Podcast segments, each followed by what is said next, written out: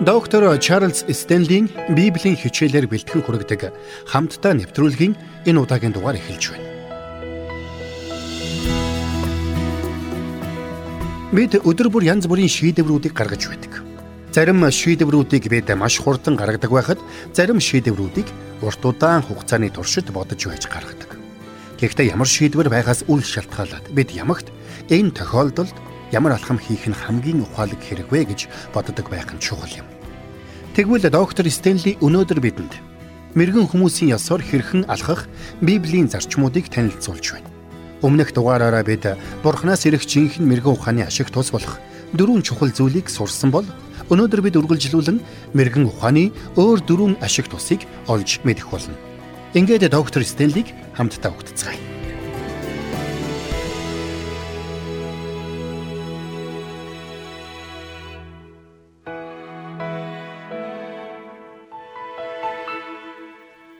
Христэд итгэж байхын ашиг тус нэн олоон.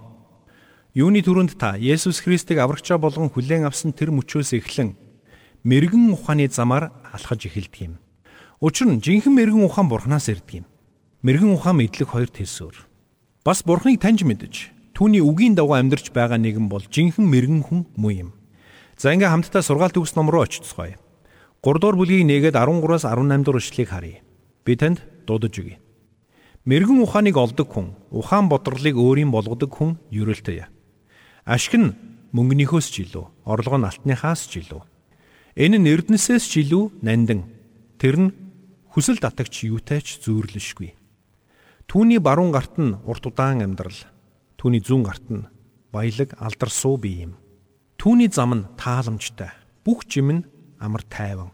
Түүнээс зурагсадад тэр нь амийн мод.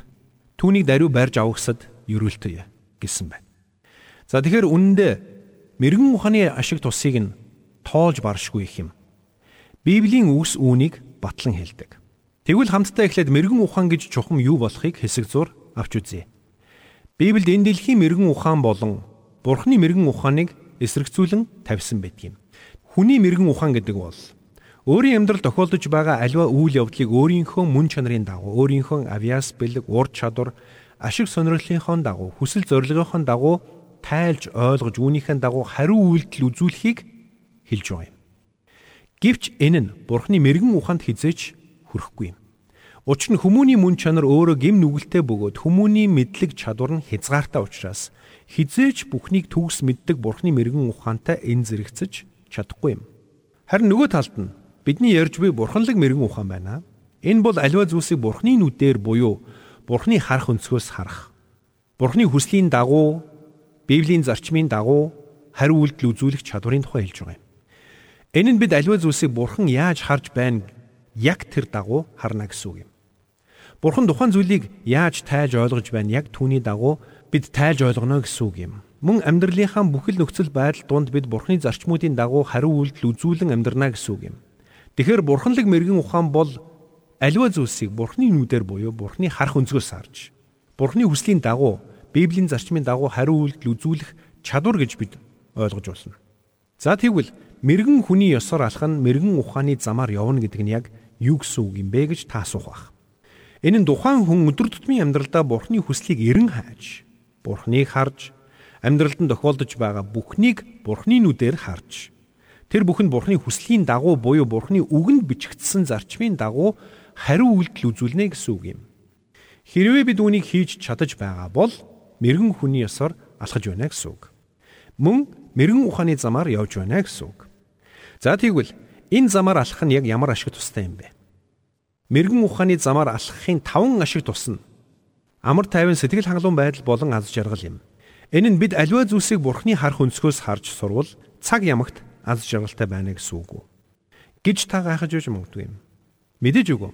Энэ бид цаг ямагт аз жаргалтай байгаад байна гэсэн үг биш. Гэхдээ бидний амьдралд амар тайван сэтгэл хангалуун байдал болон аз жаргал нь давмгайлах болно гэсэн үг юм. Мэдээж зарим тохиолдолд бид санаа зовнилд автах, зарим тохиолдолд бид айдас түгшүүр тавтах болно. Мэдээж та дандаа аз жаргалтай байхгүй байж болно. Танд сэтгэл хангалуун биш байх үе ирнэ. Хэдий тиймч бидэнд амьд бурхан байгаа учраас Христ бидний дотор оршин байгаа учраас амар тайван сэтгэл хангалуун байдал аз жаргал бидний амьдралд давмгаалах болно. Тэгвэл хүнд хэцүү нөхцөл байдал донд бид амар тайван сэтгэл хангалуун байдал аз жаргалыг хэрхэн олох вэ гэсэн асуулт гарч ирнэ. Тэгвэл би танаас асууя. Мэргэн хүн гэж яг ямар хүнийг хэлэх вэ? Мэргэн ухааны замаар алхаж байгаа хүн гэж ямар хүнийг хэлэх юм бэ? Энэ нь аливаа зүйлсийг Бурхны нүдээр буюу Бурхны харах өнцгөөс харж, Бурхны хүслийн дагуу, Библийн зарчмын дагуу хариу үйлдэл үзүүлдэг хүнийг хэлж байгаа юм. Тэгвэл бид аливаа хүнд хэцүү зовлон бэрхшээлийг Бурхны өнцгөөс харж, Бурхны өнцгөөс ойлгох юм бол нэг зүйлийг маш тодорхой ойлгох бол тэр нь Бурхан бүхнийг хянж байгаа гэдгийг. Тэр биднийг нөхцөл болзолгүйгээр хайрладаг гэдгийг. Тиймээс хэрвээ Бурхан таны амьдралд ямар нэгэн зүйлийг зөвшөөрсөн бол үүний цаана ямар нэгэн том учир шалтгаан байгаа гэдгийг та ойлгох болно. Тэр бидэнд хайртай учраас хизээд бидний сайнны төлөө ажилтдаг юм. Тэр бидний амьдралд хандсан төлөлгөөг бидэнд өгсөн. Тэр бидний хүчрэгжүүлж, батжуулж, итгэлээр босгон байгуулж биднийг Есүс Христтэй адил дүр төрхийн дагуу өөрчлөхөөр ажиллаж байдаг юм. Тиймээс бид аливаа хүнд хэцүү нөхцөл байдлыг харахтаа эсвэл амжилт бүтээлэр дүүрэн байгаагаа харахтаа бид юг харах вэ? Үүний цаана бурхан ажиллаж байгааг харах болно. Тэр цагт бид нөхцөл байдал ямар байхаас үл шалтгаалаад бурханд чин сэтгэлээсээ талархаж чадна. Бурхан бидний хянаж байгаа гэдгийг мэдэх нь бидэнд амар тайван сэтгэл хангалуун байдлыг өгдөг юм. Үнэн дээр амжилттай амьдрал гэдгийг нэг л зүйлийг хэлнэ. Энэ бол бүтээгч бурхнаа дуулууртаа даган амьдрах амьдралыг хэлж байгаа юм. Учир нь бурхныг дагаж мэрэгэн ухааны замаар алхаж буй хүн амьдралд нь тохиолдож байгаа альва бүхнийг бурхны нүдээр харддаг юм. Бурхныг харах өнцгөөс харддаг юм. Улмаар бурхны хүслийн дагуу буюу Библийн зарчмын дагуу хариу үйлдэлүүдийг үзүүлдэг юм. Энэ бол мэрэгэн ухаантай алхам. Ингэснээр бид нөхцөл байдлаас үл шалтгаалan амар тайван сэтгэл хангалуун байдал аз жаргалыг мэдэрч чаддаг юм. Яг л сургаалт өгс номын 3 дугаар бүлэгт бичигдсэн шиг. Учир нь Бурханаас ангид, Бурхны мэрэгэн ухаанаас ангид бид жинхэнэ амар тайван сэтгэл хангалуун байдал аз жаргалыг олох боломжгүй юм. Харин ч Бурханаас хол байх үедээ бид санаа зовнил, сэтгэл гутралыг л мэдрэх болно. Мэдээ зарим үед хэсэгхэн зуур санаа зовних, хэсэгхэн зуур сэтгэл дундуур байх, хэсэгхэн зуур аз жаргалгүй байх үе тохиолдно. Гэхдээ бид тэр бүх нөхцөл байдлаа Бурхны нүдээр харж эхлэх үед бүх уур амьсгал өөрчлөгддөг юм. Нэгэн цагт маш ихээр санаа зовж байсан асуудлаа дараа нь эргэж харахтаа инээд хурж байсан үе танд бий юу? Зүйрлэлбэл яг л тийм зүйл танд тохиолдох болно. Тэр цагт та бурхан минь Та энэ бүх асуудлын дунд надтай хамт байж, намайг хүчрэгжүүлж, намайг боловсруулж, намайг төлөвшүүлж байсанд баярлалаа. Гэтэл би тэр бүх хугацаанд үүнийг ойлгохгүй, үргэлж гомдлож байжээ. Намайг уучлаарай эзэн минь. Харин танд баярлалаа. Та надад үргэлж сайн ханддаг байсан учраас баярлалаа хэмээн залбирх болно. Тэгэхээр бид амьдралын хорон мөч бүрд амар тайван аз жаргалтай сэтгэл хангалуун байж чадахгүй ч Бурхны хүчээр бид ямар ч хүнд хэцүү нөхцөл байдалд амар тайван аз жаргалтай сэтгэл хангалуун байдлыг мэдэрч чадах болно. За ингээд цааш нь үргэлжлүүлээд бид Бурхны мэрэгэн ухааны дагуу амьдрахын 6 дахь ашиг тусыг танд хэлж өгье. Бид Бурхны мэрэгэн ухааны дагуу амьдрах үед бидний өөрсдийгөө харах хараа өөрчлөгдөж эхэлдэг юм. Өөрөөр хэлбэл бид өөрсдийгөө Бурхны нүдээр харж эхэлдэг. Мөн сургаалт өгсөөс харъя 8 дугаар бүлгийн 32-оос 36. Иймээс хүүгүүд минь намайг сонсогтун. Замыг минь сахигсад ерөөлтөө сургамжид дуулууртай байж ухаантай бологтун. Тэдгэрийг бүү үл тоомсрал. Дааман хаалга нэмэн дэргэд өдөр бүр харуулдан үүд нэмэн хатвчанд хүлээж намайг сонсдог хүн ерөөлтөе. Намайг ологч нь амийг үнэхээр олж эзнээс тааллыг нь хүртэх атал. Надад нүгэл үлддэг нь өөрийгөө хорлоно. Намайг үзэн ядагч бүхэн үхлийг хайрлагчд болоо гэсэн байна. Бид Бурхны хүслийг дагаж Бурхны зарчмуудын дагуу амьдарч эхлэх үед бидний өөрсдийгөө харах хараа хүртэл засагдж эхэлдэг юм. Энэ нь бид өөрсдийгөө илүү эергээр харж эхэлнэ. Илүү зөвөөр тодруулбал Бурхны нүдээр харж эхэлдэг гэсэн үг.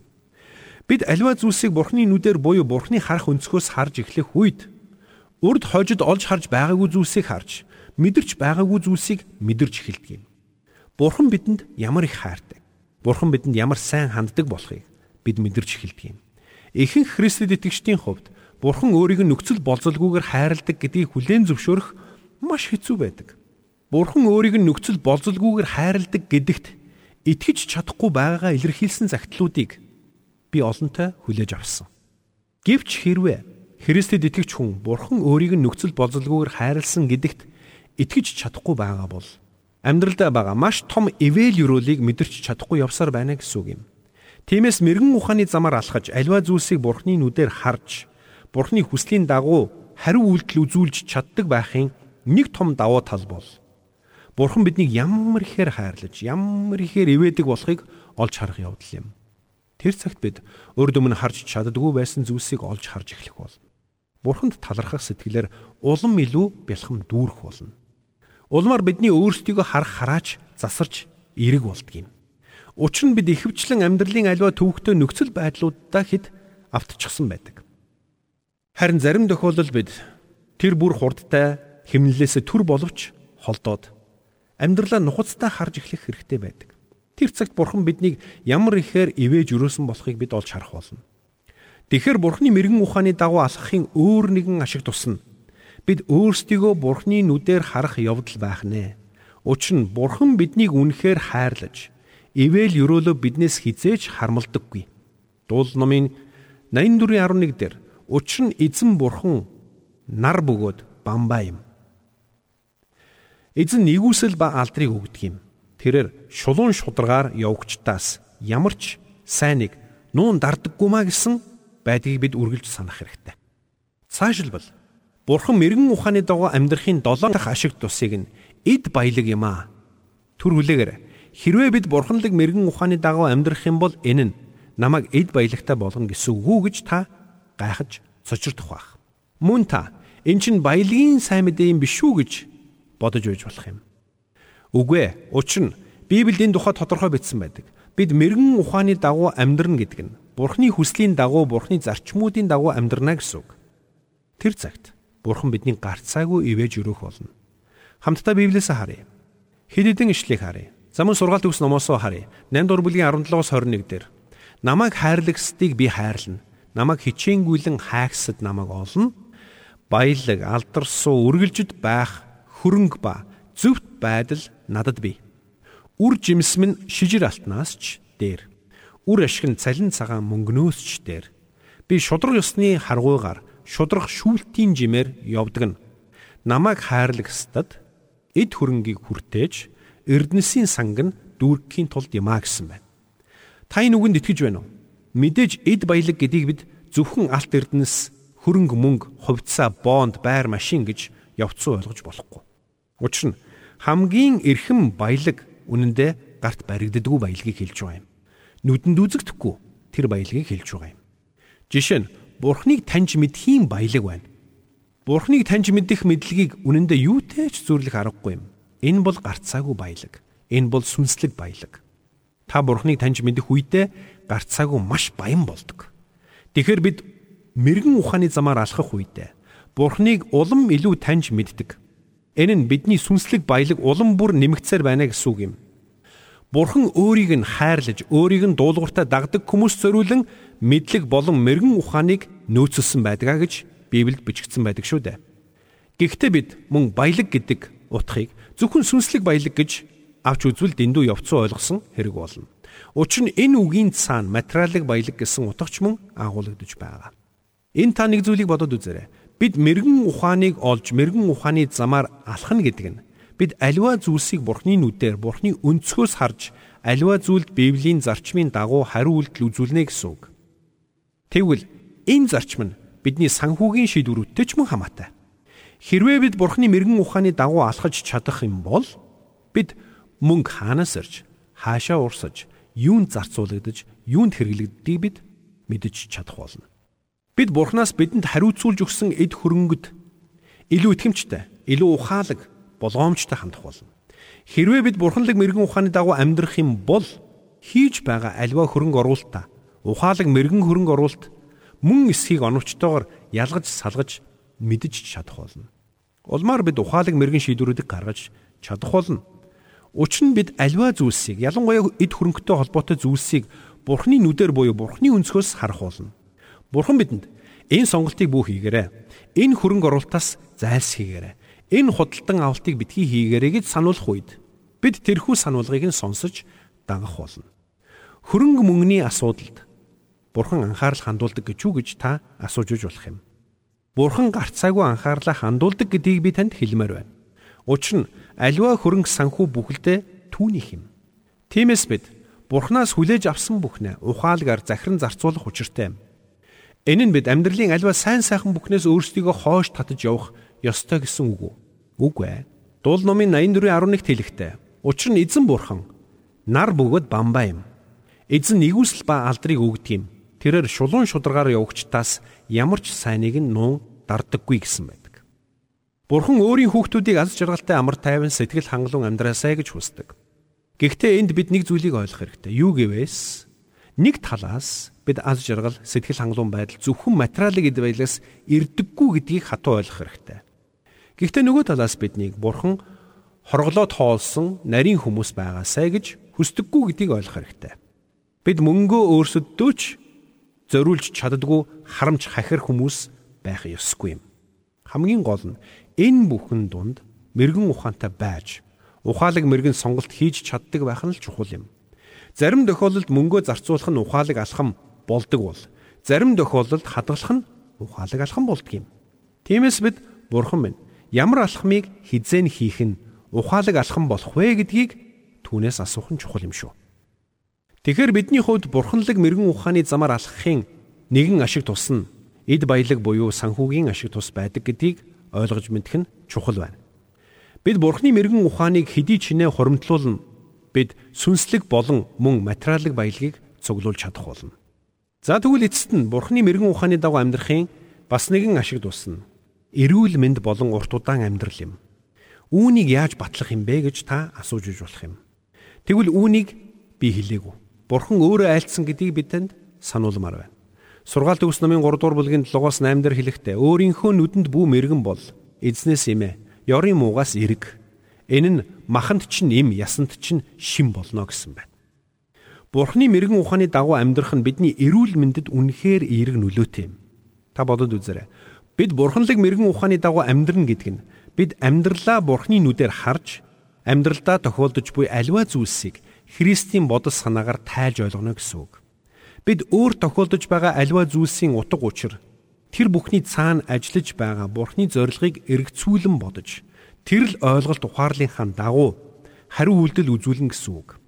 Энэ нь эргээд бидний амьдралыг илүү амар тайван, илүү үр жимстэй, илүү үр нөлөөтэй болгодог юм.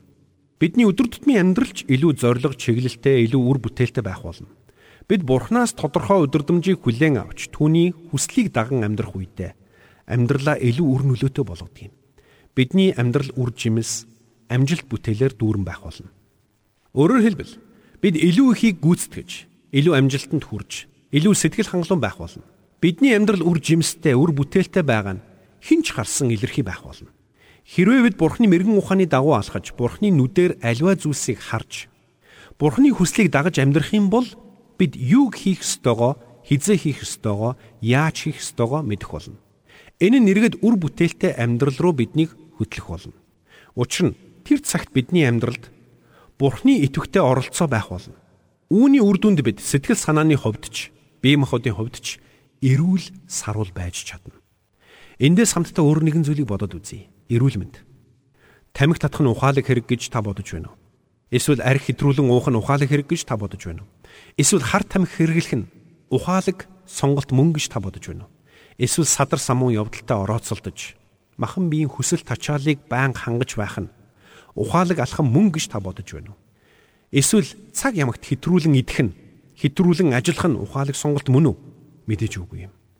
Өөр нэг зүйлийг бодоод үзье. Атаархал бардамнал, ихэрхэл нь эрүүл мэндэд сайнаар нөлөөлдөг? Муугаар нөлөөлдөг? Мэдээж муугаар нөлөөлнө. Үнэн дээр бидний эрүүл мэндэд муугаар нөлөөлөх маш олон зүйлс бий. Айдас, эргэлзээ, санаа зовнил гэдэл. Таны эрүүл мэндэд энэ бүхэн сайнаар нөлөөлөх үү? Үгүй шүү дээ. Тэгвэл бидний эрүүл мэндэд сөргөөр нөлөөлөх энэ бүх буруу хандлагуудаас бид хэрхэн ангижрах вэ?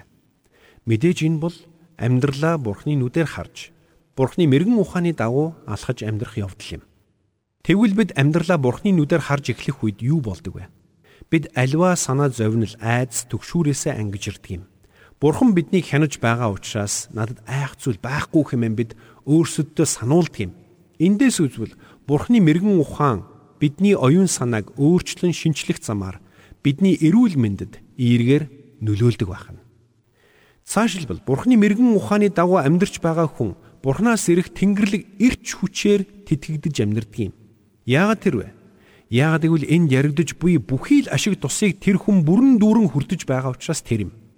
Хэрвээ бид Бурхны мэрэгэн ухааны дагуу амьдрвал Бурхны үгийн дагуу бие махбод дооч санаа тавьж юу идэж юу ууж байгаагаа ч анхаарна гэсэн үг юм. Учир нь хэрвээ бие махбоддоо хайр гамгүй хандвал үл итгэж хүмүүсийн нэгэн адил үр дагаврыг нь амсах болно. Хүмүүс давс баг хэрэглээ, элсэн чихэр баг хэрэглээ. Гэх мэтэр зөвлөгөө өгөх үед заримдаа бид давс элсэн чихэр хэрэглэхэд яавал гэж хэмээн хайхрамжгүй хандаж эхэлдэг юм. Энэ мэд хайхрамжгүй байдлаасаа болоод бид эрүүл мэндэ хохирож байдаг. Гэтэл Бурхан бидний биеийн талаар юу гэж хэлсэн байдаг вэ?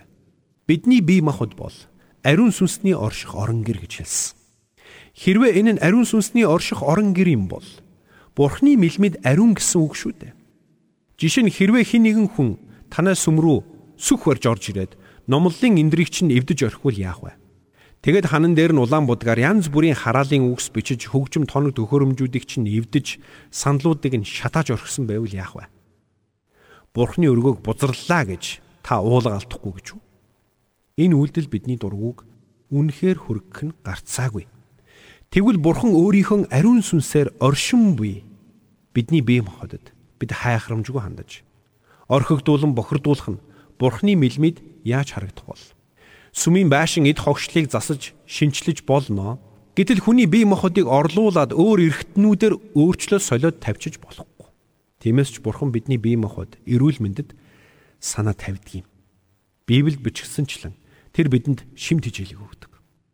Түүний мэрэгэн ухаан бидэнд эрүүл мэнд хүч чадлыг өгдөг юм. Бид Бурханы мэрэгэн ухааны дагуу амьдрах үед бидний бие махбод ашиг шимийг нь хүртэж байдаг юм. Бид бие махбодтой санаа тавьж эхэлдэг юм. Энэ бол амин хувиа хичээсэн хандлага биш ээ. Учир нь Библиэд хэлсэнчлэн мэрэгэн хүн өөрийн амийг хайрладаг юм. Тиймээс бид өөрсдийн бие махбодоо хайрлан хамгаалж, сайн хоолж, сайн амарч, сайн дасгал хөдөлгөөн хийдэг байх нь чухал юм. Тэгэхээр Есүс Христэд итгэж, түүнийг аврагчаа болгон хүлээн авч, түүнийг өдөр бүр дуулууртаагаар даган амьдарч, аливаа зүйлсийг түүний нүдээр харж, түүний гүн гүнзгий мэдлэгийн дагуу аливааг үйлдэж амьдрвал та амьдралдаа Бурхны гайхамшигтай өдөрдмж, хамгаалалт, хүч чадлыг мэдрэх болно. Тэр цагт та жинхэнэ амар тайван, аз жаргал, сэтгэл хангалуун байдлыг мэдрэх болно. Таны бие махбод хүртэл эрүүл чирэг болж та сүнслэг болон материалын эд баялагийг хүлээн авах болно. Үнэн дээр үүнээс илүү дээр амьдрал гэж хаач үгүй. Найз минь. Энэ бол Бурханаас бидэнд бэлдэж өгсөн хамгийн гайхамшигтай амьдрал юм шүү. Энэ бол жинхэнэ амьдрал. Харин үүнээс бусд нь хүмүүний гемт мөн чанарын бүтээгдэхүүнүүд юм. Учир нь Бурхан бол амар тайван, аз жаргал, сэтгэл хангалуун байдлын их сурвалж юм. Тиймээс бидний хувьд Бурханы үгийг дагаж түүний мэрэгэн ухааны дагуу амьдрах нь бидний хийж чадах хамгийн мэрэгэн сонголт байх болно гэдгийг та бидхий мартаарай. Бурхны мэрэгэн ухааны замаар алхах хүмүүст маш олон ивэл ёроолыг Бурхан өөрөө амласан байна. Тиймээс ч биднийг Бурхныг дуулууртаагаар дагах энэ л мэрэгэн ухааны замаар тууштай алхахыг доктор Стенли уриалж байна. Бид Библиэд бичигдсэн зарчмуудыг хэрэгжүүлэн амьдрах үед Бурхны мэрэгэн ухааныг олж авч байдаг. Тэгвэл энэ мэрэгэн ухаан нь бидэнд зүйл бүрийн ашиг тустай гэдгийг бид сурцгаалаа. Үннийг хэлэхэд зарим тохиолдолд энэ мэрэгэн ухааны замыг сонгох нь биднээс маш их эр зоригийг шаарддаг. Харин тэр бүхнийг үлдэх эр зоригийг Бурхан бидэнд өгдөг үлээ. Тиймээс Йошуа 1:7-оос 9-д Бурхан бидэнд айлтгахта. Гагцхүү тууштай бөгөөд чин зоригтой байв. Миний зарц Мосегийн чамд тушаасан бүх хуулийг сахин биелүүл. Үүнээс баруун тийшч, зүүн тийшч бүү хазай. Тэгвэл чи хаа явсан газраа амжилт олно хуулийн энэ номыг амнаасаа салгалгүй байж өдөр шөнөгүй үүнийг бясалган үүн дотор бичигдсэн бүхнийг сахин биелүүл. Тэгвэл чиний зам өөдөлж чи амжилтад хүрэх болно. Би чамд тушаасан босоо. Тууштай бөгөөд зоригтой бай. Бүү цочорд. Бүү шантар. Хаа явсан газарт чинь чиний бурхан эзэн чамтай хамт байх болно гэж айлдасныг та битгий мартаарай.